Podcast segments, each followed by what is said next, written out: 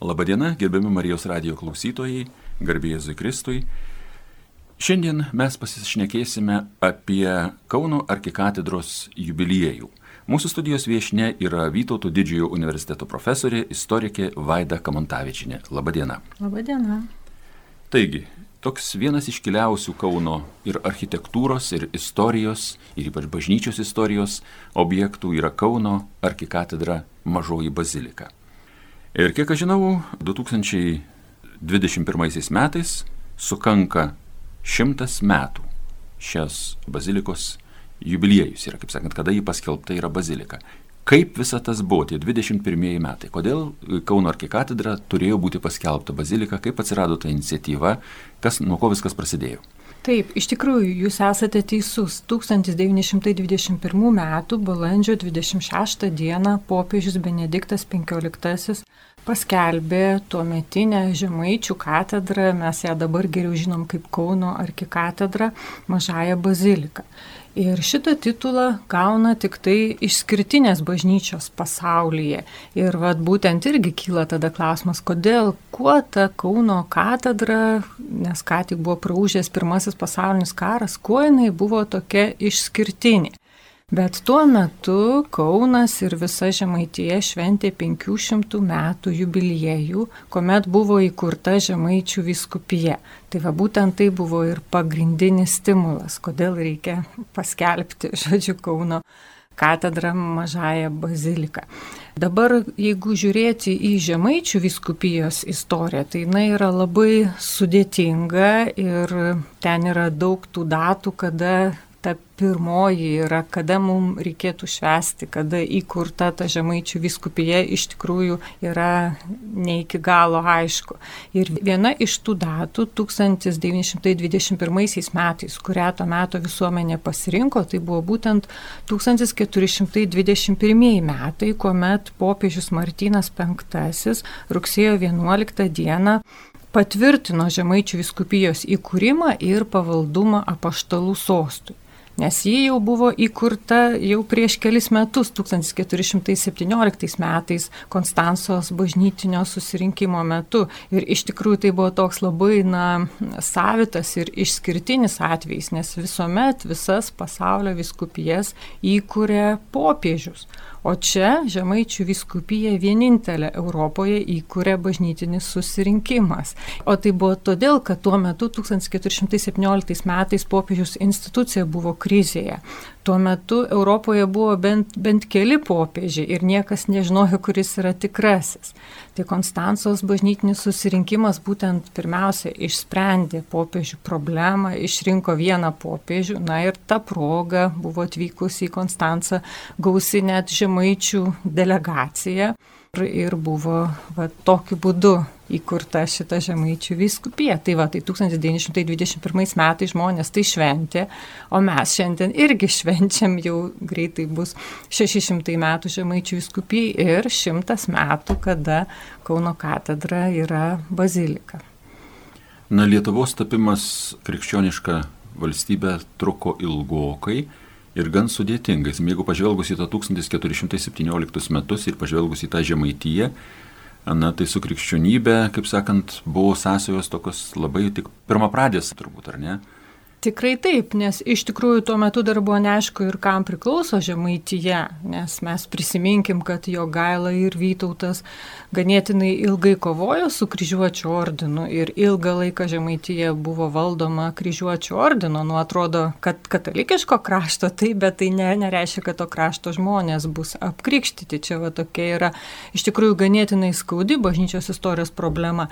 Tie tokie pirmieji Žemaičių krikšto bandymai jau buvo 1400 1413 metais, kuomet iš tikrųjų Vytautas jau po Žalgerio mūšio po 1410 metų, kuomet jau tas kryžiuočio ordinas patyrė na tokį jau triuškinantį, galima sakyti, pralaimėjimą ir jau jam nebuvo tiek jėgų, kad jis galėtų išlaikyti žemaityje, jau tarsi Lietuvos didžioji kunigaikštystė jau jinai tapo Žemaitijos teisėta valdytoja ir jau tada rūpinosi, kaip apkrikštyti. Tai 1413 metais jau buvo pirmieji bandymai ir iš tikrųjų jau tuometinis Žemaitijos elitas jau jisai patapo krikščioniškas. Bet to negana, nes krikštas, tas visas tautos krikšto procesas iš tikrųjų jisai dešimtmečiais trunka.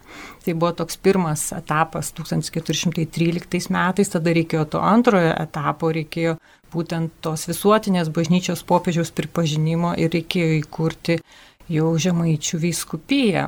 Tai va už tai tie žemaitijos bajorai keliavo iki Konstancijos su dovanomis, žodžiu, ta jų kelionė irgi turbūt buvo ganėtinai sudėtinga, žinant to meto keliavimo sąlygas.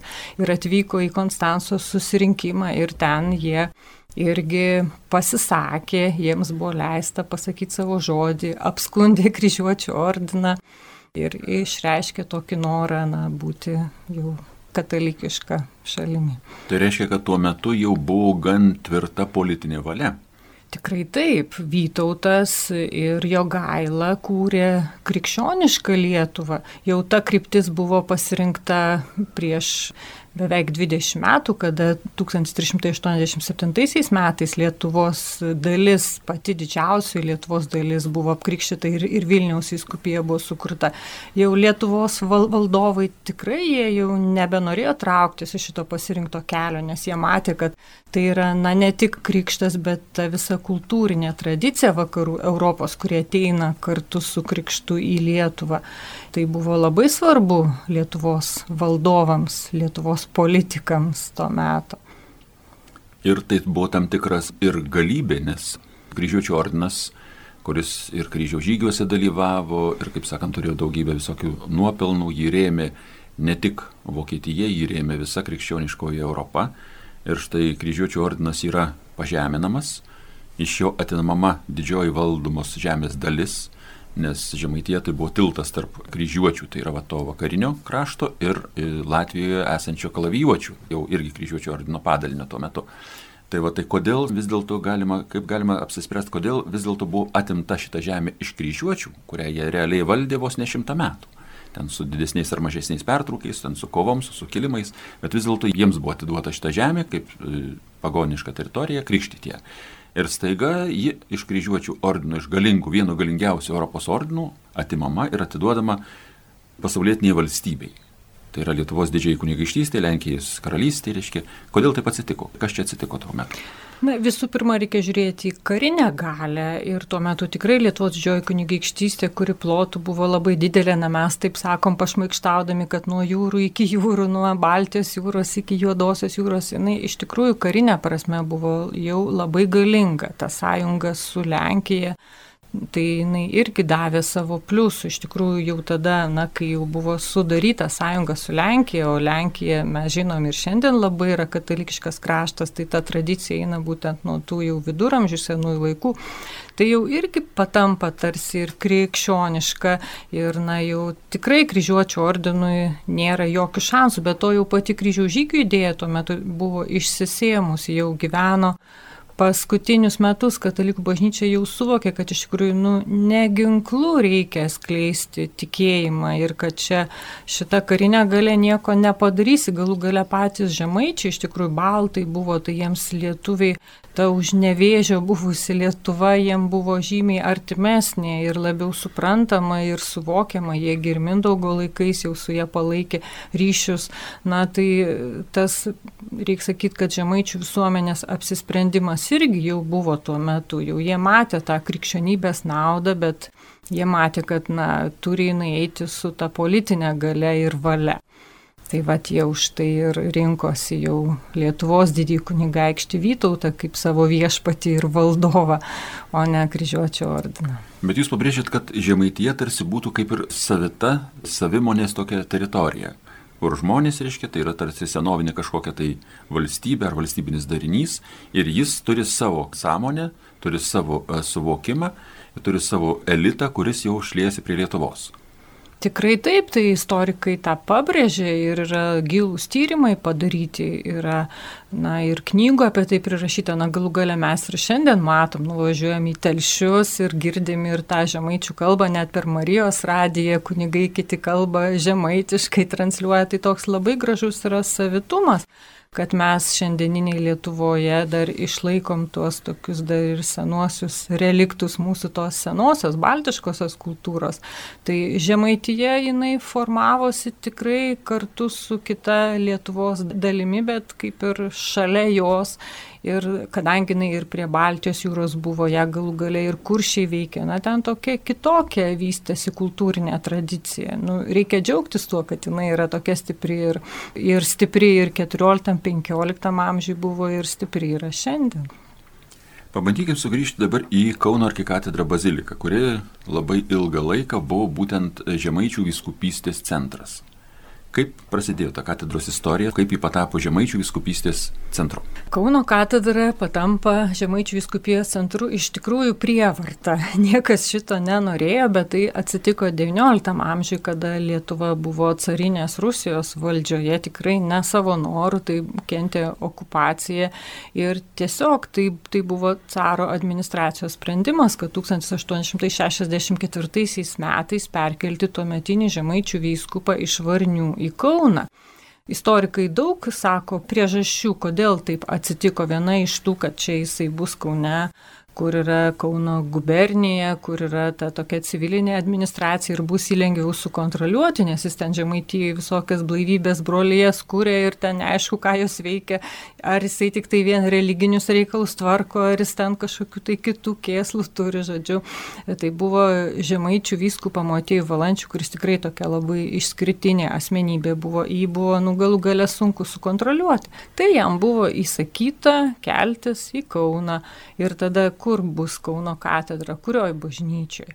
Na tai aišku, kad parapinėje Švento Petro ir Pauliaus bažnyčioje, kuri yra na, ir didžių atitinka galų gale šitą tokį gali būti katedra.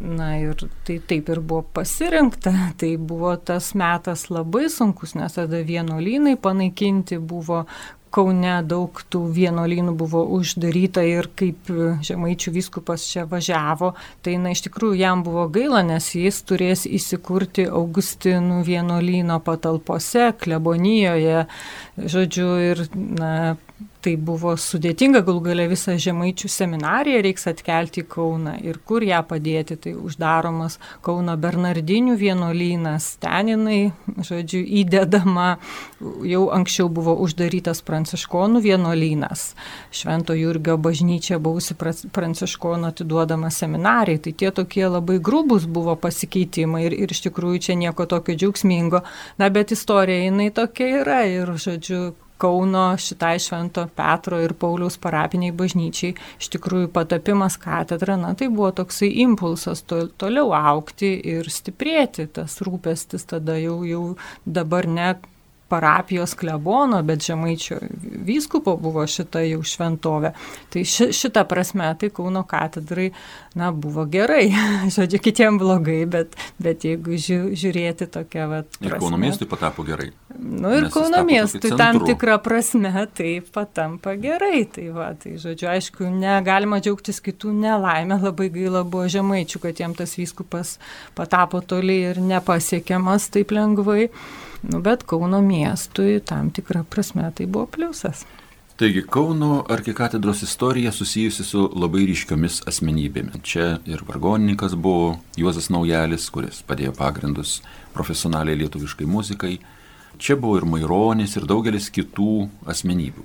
Tai štai pažvelkime į 20-ojo amžiaus pradžią, kada prasideda Lietuvos tas nacionalinis atgimimas, čia jau Vilniaus Seimas, jau prasideda valstybės atkūrimo idėjos plist Lietuvoje, tačiau pakankamai stiprios jėgos stabdo, tai yra Rusijos imperijos gale.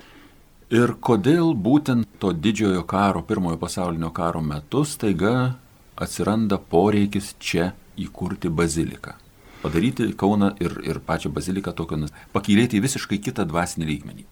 Iš tikrųjų, aš tik tai nuojautą turiu, kad galbūt prie šito prisidėjo tuo metinis e, Lietuvos atstovas prie apaštalų sosto, buvęs senų kapitulos kanauninkas daktaras Jurgis Narjauskas, kuris tuo metu jau nuo 1919 metų gyveno Romoje ir jisai na, jau gerai pažino tą visą popiežiaus virtuvę ir jisai žinojo, kad yra tam tikros bažnyčios kelbiamos mažosiomis bazilikomis. Galbūt jisai šitą mintį pametė atėjo žemaičių vyskupui ir žemaičių kapitulai. Ir čia labai, pavyzdžiui, įdomu, kad matosi iš dokumentų, kad žemaičių vyskupas Pranciškus Karevičius jis šitą idėją nebuvo iš pradžių taip labai susidomėjęs, bet žemaičių kapitulos nariai ją pasigavo šitą idėją. O tuo metu žemaičių kapitulas sudarė keletas tokių tikrai iškilių asmenybių. Tai visų pirma, prelatas Jonas Matsulevičius, kurį mes žinom šiandien kaip Mairo maironį ir kaip mūsų garsų žymų poetą, bet dažnai pamirštam, kad jisai buvo tuo metinis katedros prelatas ir net pir pirmininkavo. Šalia jo buvo Pranciškus Pacevičius, Juozapas Skvireckas, Aleksas Dambrauskas Jakštas, Paulius Januševičius ir Konstantinas Olšauskis, tai yra prelatai. Ir dar buvo trys kanauninkai - Kazimieras Stepanas Šaulys, Kazimieras Paltarokas ir Antanas Alekna. Tai jeigu dabar mums žiūrėti iš istorinės perspektyvos į šitos žmonės, tai mes matom tikrai, kad na, jie buvo iškilus, bent du iš jų, Juozapas Kvireckas ir Kazimieras Paltarokas vėliau tapo vyskupais. Antanas Alekna buvo žymus istorikas, ne tik dvasininkas, Aleksas Dambrauskas Jakštas rašytojas, na ir mano minėtas jau Maironis. Tai va, tai tokie žmonės dirbo tuo metu Žemaičių viskupijos naudai ir juos tikrai šitą idėją turbūt Jurgio Narjausko išsakyta, juos tikrai jinai pagavo ir jie tada labai ryštingai spaudė vyskupą kad jisai na, parašytų popiežių laišką ir kad pasirūpintų, kad būtų Kauno katedra paskelbta bazilika. Yra iš tikrųjų išlikęs toks labai įdomus Žemaičių kapitulos posėdžio protokolas 1921 m. kovo 22 dienos, kur jie surašė septynias priežastis, pateikė vyskupui, kodėl būtent, kodėl Kauno katedra turėtų patapti bazilika nes vyskupas būdamas skeptiškas, na jisai galbūt toks buvo kuklus ir galbūt, na tiesiog dar net ir savo jėgomis netikėjo. Tai jisai norėjo labai aiškiai, kad žemaičių kapitulas suformuluotų savo nuomonę. Na ir tada posėdėje, pirmininkaujant Maironiui, tą kapitulą surašė tas septynias priežastis. Ten buvo dvi istorinės priežastis, kad, na, pabrėžti, kad Žemaityje ne, ne tik kryžiuočių laikais tokį tą tokį sudėtingą laikmetį išgyveno, bet galų gale ir reformacijos epochoje Žemaitijoje jinai labai stipri buvo ir ten tik tai tuometinių žemaičių viskupų dėka jai buvo atsispirta. Tai čia toks nuopelnas, kuris mane Žemaičių kapitulą, kad visuotinai bažnyčiai labai irgi bus svarbus. Na taip, tuo metu jau, sakysim, mūsų valdovai valdovai, kunigaikščiai ir, ir, ir Radvilos ten ir kiti, reiškia, jau pasidavė į liuteronybę, į protestantizmą. Taip, ir į kalvinizmą dar labiau reikia sakyti. Taip. O Tas... viskupai, reiškia, viskupija atsilaikė vis dėlto. Nu taip, žemaičių vyskupas Merkelis Gedraitis, jisai iš tikrųjų labai ryštingai vykdė tą jau katalikišką reformą Tridento bažnytinio susirinkimo, jau tas nubriežtas reformos gairias 16 amžiaus Lietuvoje. Tai va kapitulą 20 amžiaus pradžioje tai prisiminė. Ir va, tas toks istorinis nuopelnas labai buvo aiškiai išdėstytas popiežiui. Ir dar buvo vienas istorinis nuopelnas, tai būtent prisimintas tas XIX amžius ir žemaičių įskupas Valančius ir tai, kad iš tikrųjų tuo metu ta stačiatikiška Rusija, stačiatikybė buvo valstybinė religija. Nu irgi uždarnėjama ta katalikų bažnyčia buvo.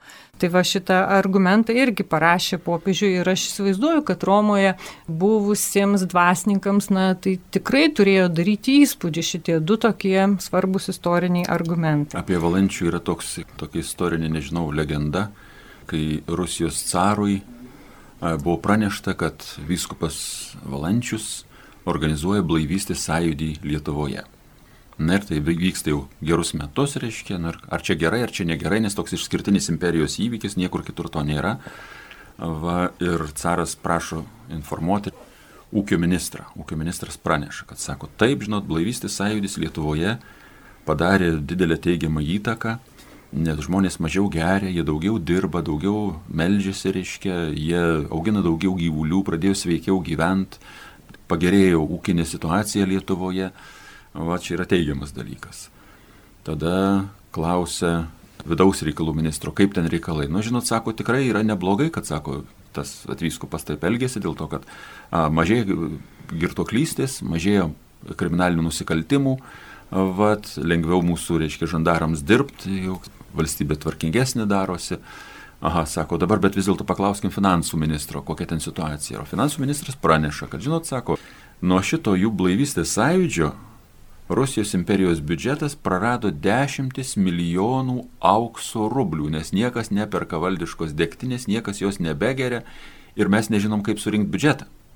Ir Saras taigai sako, uždraust visus blaivybės sąjūdžius, nepaisant to, kad ten geriau jie gyvena, kad jie ten sveikesni, kad jie doresni, bet biudžetas yra svarbiau. Tai va, tai toks yra anegdotas apie, apie valančios veiklą. Tai ta prasme, kad e, paliudintis, kad e, valančios veikla vis dėlto pasiekė pačius aukščiausius Rusijos imperijos sluoksnius. Iš vienos pusės tai buvo labai geras pavyzdys, iš kitos pusės tai buvo tokia, na sakykime, bomba. Tai buvo bomba, nes tai buvo ir nacionalinio pakilimo. Jeigu vėlgi žinau legendą apie, apie Alsėdžių bažnyčią. Kai vyskupas paskelbė blaivystį sąjūdį, tai visi daugmaž pakluso ir nustojo gerti, o Alsėdžiuose žemaičiai užsispyrė ir neklausyti vyskupo. Tai vyskupas pats atvažiavo į, į bažnyčias, liepė susirinkti visiems ūkininkams ir tik vyrams 300 vyrų per mišęs suklubdė ir prisaidino daugiau negert. Nu va, iš tikrųjų, labai gražu tai yra. Taip, aišku, kad cariniai valdžiai būtų buvę žymiai geriau, kad Lietuva būtų prasigėrusi, lengvai valdoma, dar va pelną neštų iš šito. Tai aišku, kad čia valančius jiems. Na kaip dabar narkotikus. Ra rakštis tokia, nu taip. taip neleidžia kažkas platinti narkotikų, reiškia yra blogai, neduoda kažkam uždirbti. Nu taip, taip, tai vadėja taip. Tai štai ta žemaičių viskupystė remiasi tokiamis didelėmis iškiliomis asmenybėmis. Na, pabandykime dar truputėlį gal apie Maironį, vos vos šiek tiek. Jo įtaka štai šitam aktui, kad čia atsiranda, nes jis turėjo didelį autoritetą, jis buvo ten pirmininkas, kaip žinote, kapitulos. Taip, tai man dar vat, irgi atrodo, kad būtent va šituose septyniuose argumentuose tai buvo labai stipri Maironio įtaka, nes, pavyzdžiui, vienu iš argumentų buvo nurodyta žemaičių prisirišimas prie katalikų bažnyčios, dėl kurio atsirado terminas šventoji žemaityje. Na tai tik tai toks romantikas kaip Maironis galėjo, žodžiu, sugalvoti ir parašyti tokį sakinį į tą tokį oficialų dokumentą popiežiui, bet tai iš tikrųjų labai gražu yra ir vat liudija tą Maironio pats pasaulyje žiūrą. Ar ten kitas argumentas vėl, kad Žemaitijoje iškilo, yra pastatyta daug brangių ir puikių naujų bažnyčių. Na tai tas visas dokumentų stilius toksai matosi, kad turbūt juos buvo surašęs, paredagavęs Maironis. Tai aš manau, kad jeigu toje kapituloje nebūtų buvę Maironio, tai šitie septyni argumentai tikrai būtų žymiai silpnesni, jie nebūtų tokie gražus, kaip šiandien gražiai skamba šventoji žemaityje ir panašiai. Na, būtų tada turbūt viskas vykę kitaip. Kažkas galbūt kitas būtų iškilęs, kažkas gal būtų padarę kitas įtaka. Ir man iš tikrųjų gaila, kad šiandien mes apie Maironį žinom kaip apie poetą, bet kaip apie dvasininką, apie jo tą dvasinę veiklą žinom iš tikrųjų labai mažai. Ir čia reikėtų dar gilių istorinių tyrimų. Aš irgi apie tai neturiu dar daug duomenų, bet va, matyti, kad turėtų būti tai tokia atskira galbūt tyrinėjimų tema ateities istorikams. Na, kaip mes sakom, kad mūsų buvo, štai šitą mūsų paskutinį naujausioji revoliucija buvo dainuojanti revoliucija. Tai galima turbūt pasakyti, kad 20-ojo amžiaus pradžioje taip pat Lietuvoje vyko dainuojanti revoliucija, kadangi tai buvo ir Kudirkos tautiška giesmė, o ypač Maironio tekstais parašytos naujalio dainos. Ir Lietuva brangiai, ir visos kitos, kaip sakyti, ir, ir užraseinių ant dubysos, ir daugybė kitų dainų, kurios tuo metu buvo be galo populiarios, jos buvo dainuojamos ir, kadangi radijo nebuvo, žmonės dainuodavo patys namuose. Ir o tai, kad žmogus, kuris sugebėjo E, prakalbint visos Lietuvos žmonių širdis, poetas, jis turėjo milžinišką autoritetą. Ir tai buvo suvokiamas, kaip sakant, na štai kapitulos pirmininkas ne šiaip, sakau, sakysim, koks nors eilinis ten klebonas ar dar kažką, tai, bet tai yra visos Lietuvos palaikoma asmenybė. Tai va taip, kad Maironis ko gero čia turėjo didelį įtaką. Taip, tikrai reikia jums pritarti. Ir iš tikrųjų, na aišku, grįžtant prie tų septynių argumentų, tai dar kiti buvo tokie, kad vienas argumentas kelbė, kad žemaičių viskupijos žmonės labai prisirišę prie apaštalų sosto. Tai čia vat, man kaip istorikiai taip kritiškai praeitį žvelgiant, na, Prašyčiau konkrečiau. Kyla klausimas, ką reiškia prisirišti prie apaštalų sosto. Kiek iš tikrųjų tie paprasti žemaitijos žmonės, na, kiek jie žinojo konkrečiai apie kiekvieną popiežių, nes, pažiūrėjau, tas Benediktas XV, tas popiežius, kuris tuo metu buvo, tai jis labai tokia buvo iškeli net ir politinė asmenybė, labai buvo autoritetinga ir jisai taikė tas kariaujančias pusės pirmojo pasaulinio karo metu ir iš tikrųjų, kad va, jisai na, jau išklausė šitą žemaičių vyskupo prašymą paskelbti Kauno katedrą mažąją baziliką, tai irgi rodo, kad kaip gerai jisai suvokė tuo metinę visą politinę situaciją, kad Lietuvai reikia tos paramos, tokios tarptautinės paramos ir moralinės popiežiaus paramos. Galų gale mes žinom, kad ir na, mūsų lietuvių konferencijos pirmininkas Jonas Basanačius dar 1917 metais kreipėsi būtent į šitą popiežių, prašydamas palaiminimo, kuriant Lietuvos valstybę tai jau popiežius žinojo šitą apie Lietuvą. Na tai galbūt šitam kontekste tas Maironio formuluotas teiginys, kad žemaičių viskupijos žmonės labai prisirišę prie paštalų sostų iš tikrųjų ir yra teisingas, bet taip iš pirmo žvilgsnio žiūrint, tai tikrai jisai reikalautų paaiškinimo. Taip, bet yra ir daugiau dar tų teiginių iš septynių. Nu, tai dar vienas, aš jau šešis išvardinau, tai liko paskutinis, tai čia pats svarbiausias, tai yra 500 metų žemaičių krikšto jubiliejus. Nu, iš tikrųjų, nu, popiežius tokiam dalykui tikrai negalėjo atsispirti, nes, nu, kad švęst 500 metų, tai čia, nu, ne kasdieninis įvykis. Ir iš tikrųjų, kaip šitas vatraštas jau, jau kaip žemaičių vyskupo Pranciškaus Karevičiaus vardu buvo surašytas ir nusiustas į Romą per Jurgį Narjauską, jisai būtent ėjo audiencijoje pas popiežių ir nešė šitą dokumentą, tai paskui kaip jisai rašė jau laišką kapitulai, ataskaitą žemaičių kapitulai, kaip jam ten sekėsi, tai jisai taip ir rašo, kad man labai gerai sekėsi, labai lengva buvo įvykdyti šitą jūsų prašymą, nes popiežius iš karto sutiko ir matomi ir greitis, jeigu ten tik tai balandžio pradžioje šitas prašymas pasiekia Romą, tai jau balandžio 26 dieną jau yra su suteikiama, popiežius jau paskelbė bulę. Tai, žodžiu, tikrai labai laiku ir, ir vietoj buvo šitas prašymas ir, Ir nepaisant visų skeptikų, kurių irgi buvo tuo metu visuomenėje, net ir dvasininkų tarpe, pavyzdžiui, yra Kazimiero Paltaroko atsiminimai irgi tuo metinio iškilaus dvasininko, tai jisai sužinojęs, kad jau Jurgis Narjauskas jau išrūpino šitą bulę, tai jisai, na, taip pasižiūrėjo, nu kas čia per privilegijos, čia ir Davatkos nesupras, kame dalykas, žodžiu, kas čia per paskelbimai, jam taip, žodžiu, atrodo, kad tuo metu buvo svarbesnių problemų negu pasirūpinimas titulų. Ir tik tai šiandien mes iš istorinės perspektyvos žvelgdami galim pasakyti, kad tikrai tos tuometinės politinės intrigos dabar visos nublanksta.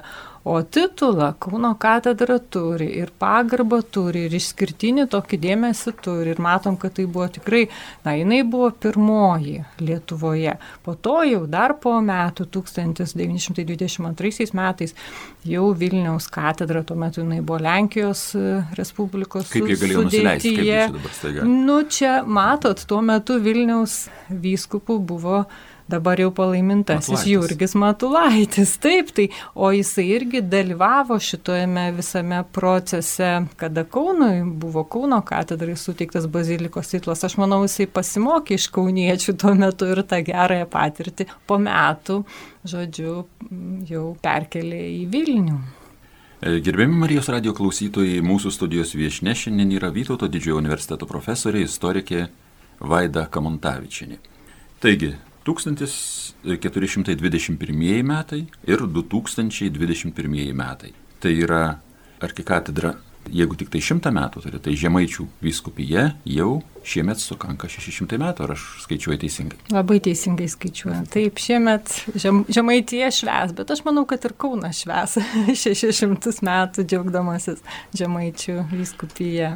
Taip, Žemaitie, kaip sakant, vis tiek pabėgo iš Kauno globos, jau nebe Kaunas yra Žemaities centras, bet Kaunas turi didelį įtaką tam, aš manau. Ir tuo pačiu dabar Kauno arkikatedra bazilika, mažoji bazilika jau šimtas metų. Ką tai reiškia pačiai bazilikai ir kaip tai bus paminėta? Kaip bus paminėta, tai reikia klausti šiandieninio vyskupo, bet e, tai reiškia, aš manau, tikrai labai daug. Ir vien tai, kad na, buvo prieš šimtą metų parūpinta ir insignijos, nes iš tikrųjų, na, kai gauna bažnyčia mažosios bazilikos titulą, tai jinai turi ir tam tikrus ženklus. Tai yra tintinabulum, tai toks varpelis, kuris tokiame gražiame rėme yra mm, padaromas. Ir kanopė arba tam tikras toksai, na, skėtis, popiežiškas skėtis, tai va tos insignijos ir šiandien stovi Kauno katedroje, presbiterijoje, viena dešinėje altoriaus pusėje tas kėtis, kitas kairėje altoriaus pusėje. Per iškilmingas procesijas tai yra nešama, na ir kiekvienas užėjęs į Kauno katedrą, jau arki katedrą reikėtų sakyti, matydamas tas insignijas žino, kad čia turi kažkokį šitą bažnyčią išskirtinį ryšį su popiežiumi. Na tai toks labai svarbus ženklas, nes galų gale kaip ir buvo suteiktas šitas bazilikos titulas, tai vienas iš reikalavimų buvo, kad tikintieji pagarbą šitai bažnyčiai rodytų, kad jinai būtų piligrimystės centras, kad jinai būtų istoriškai svarbi ir reikšminga, kad jinai būtų atitinkamo dydžio netgi ir atitinkamo gražumo, pošnumo. Tai labai daug va, tų buvo sąlygų, kurias reikėjo prieš šimtą metų išpildyti. Na ir šiandien mes matom vėl, kaip Kauno katedra gražėja, remontas jau eina turbūt į pabaigą ir, ir va tuo galim džiaugtis. O gal kažkokie konkretesni, kažkokios datos yra, kas įvykiai numatomi šito, ar čia kol kas dar viskas sprendžiama šiuo metu? Na, aš manau, kad gal, galbūt jau apie rugsėjo 11 dieną kuomet jau na, bus jau ir e, lygiai ten 600 e, metų nuo žemaičių vyskupijos pripažinimo, Tai aš manau, kad tie renginiai, jeigu pandemija leis, tai turėtų būti rudenį. Tiesa, dar vad grįžtant prie 1921 metų, tai buvo suteiktas ne tik mažosios bazilikos titulas, popiežius tuo metu atsiuntė dvi bulės į Lietuvą. Vienas kelbė apie bazilikos titulo suteikimą, o kitas kelbė apie atlaidų suteikimą. Ir mes galim pasižiūrėti ir pasimokyti, kaip tuo metu prieš šimtą metų Lietuva šventė. Galėtume galbūt kažką tai, tai ir atkartoti šiandien. O kas tuo metu vyko, kaip tai buvo? Tai va, tai tuo metu vyko... Mm, jau tokios tos pagrindinės iškilmės, tai vyko rugsėjo 11 dieną, Tai dar išvakarėse jau irgi visi čia suvažiavo šventimo dalyviai, irgi buvo aukojamos mišios.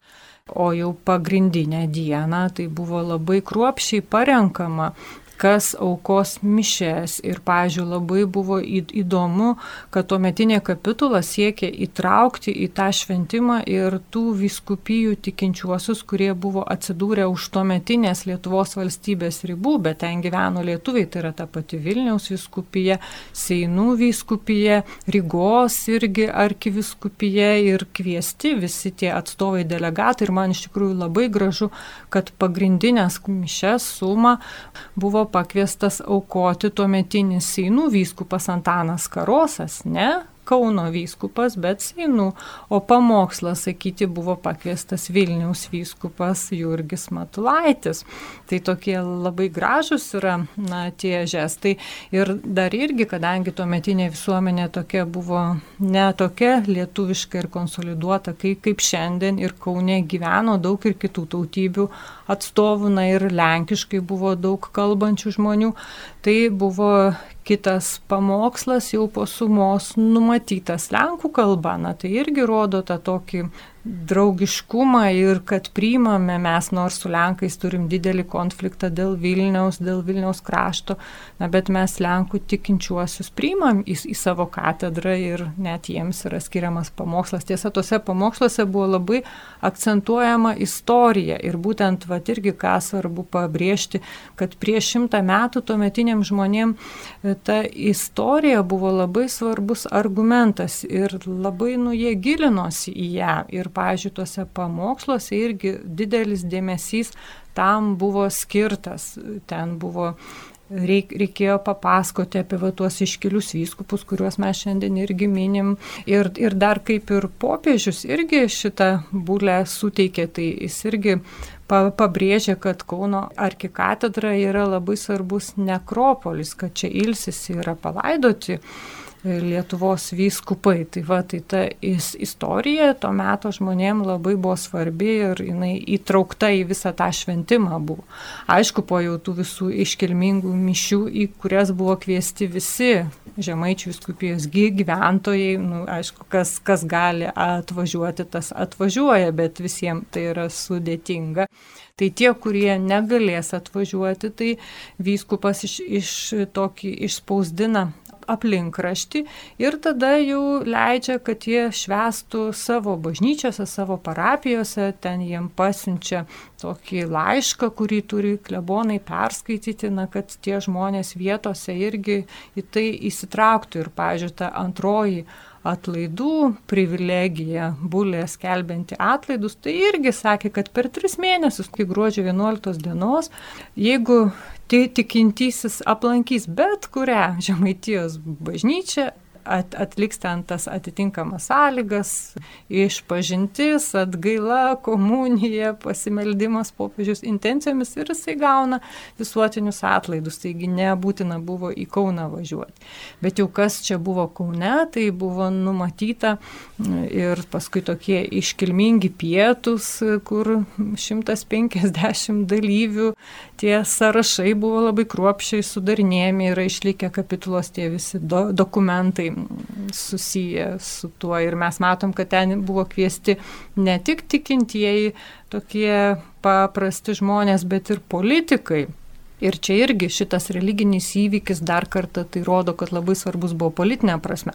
Na visų, pavyzdžiui, ambasadų, atstovybių, delegatai, kurios čia buvo tuo metu. Kad jie suprastų, kad Lietuva yra pakelta į tam tikrą lygį. Taip, kad, taip, kad jinai... sakant, skaitytųsi ir suvoktų savo momento svarbą. Žinoma, nes tuo metu Lietuvai reikėjo ir to tarptautinio pripažinimo, o čia popiežius pripažįsta, tai nu, viskas, žodžiu, taip, yra. Ko daugiau tai- reikia. Taip, taip, tai tuo tikrai džiaugiasi, matosi žmonės ir, ir buvo labai rimtai toms iškilmėms ruoštasi. Dar net apie finansus galima pasakyti, kad kad tuo metinis Žemės ūkio bankas skyrė Lietuvos, atsiprašau, Lietuvos ūkio bankas ir jo direktorius Jonas Vailokaitis paskyrė 10 tūkstančių auksinų auką. Būtent šito jubiliejo šventimui. Tai va, tai... A, tuo metu dar litų nebuvo. Ne, dar litai po to tik buvo įvesti. Dar Jurgutis dar dirbo tuo metu ruošėsi. Jo, taip, taip. Tai va, tai kaip mes švesim šiais metais rudenį, koks bankas, kokia didžiauka parems šitą šventimą. Tai laukiam iš tikrųjų. Gal geras pavyzdys bus užkrečiantis. Kągi, tikrai labai svarbus ir reikšmingas Lietuvos istorijos ir bažnyčios istorijos faktas yra tai, jog 1921 metais popiežius paskelbė Kauno arkikatedrą baziliką, būtent paskelbė Kauno arkikatedrą mažąją baziliką. Tai yra viena iš nedaugelio pasaulio bažnyčių, tai yra išskirtinė garbė, tai buvo pirmoji Lietuvoje, netgi pirmiau negu Vilniaus bažnyčia. Tai yra tikrai toks svarbus įvykis mūsų visų gyvenime. Ir apie tai mums šiandien taip gražiai, išsamei pasakojo gerbiama profesorė Vytauto didžiojo universiteto profesorė istorikė Vaida Kamontavičinė. Tikėkime, kad ateista rugsėjo 11 bus žemaičių vyskupystės 600 metų, tuo pačiu paminėsime ir Kauno arkikatedros tapimą mažąją baziliką šimtmetį. Manau, kad bus daug gražių renginių. E, to viso linkiu Marijos radijo klausytojams Dalyvaukite, klausykite Marijos radijo ir tikrai nuoširdžiai dėkoju gerbimu Vaidai Kamontavičiniai už jos tokias gauses, išsames ir prasmingas žinias. Ačiū ir su Dievu. Sudie.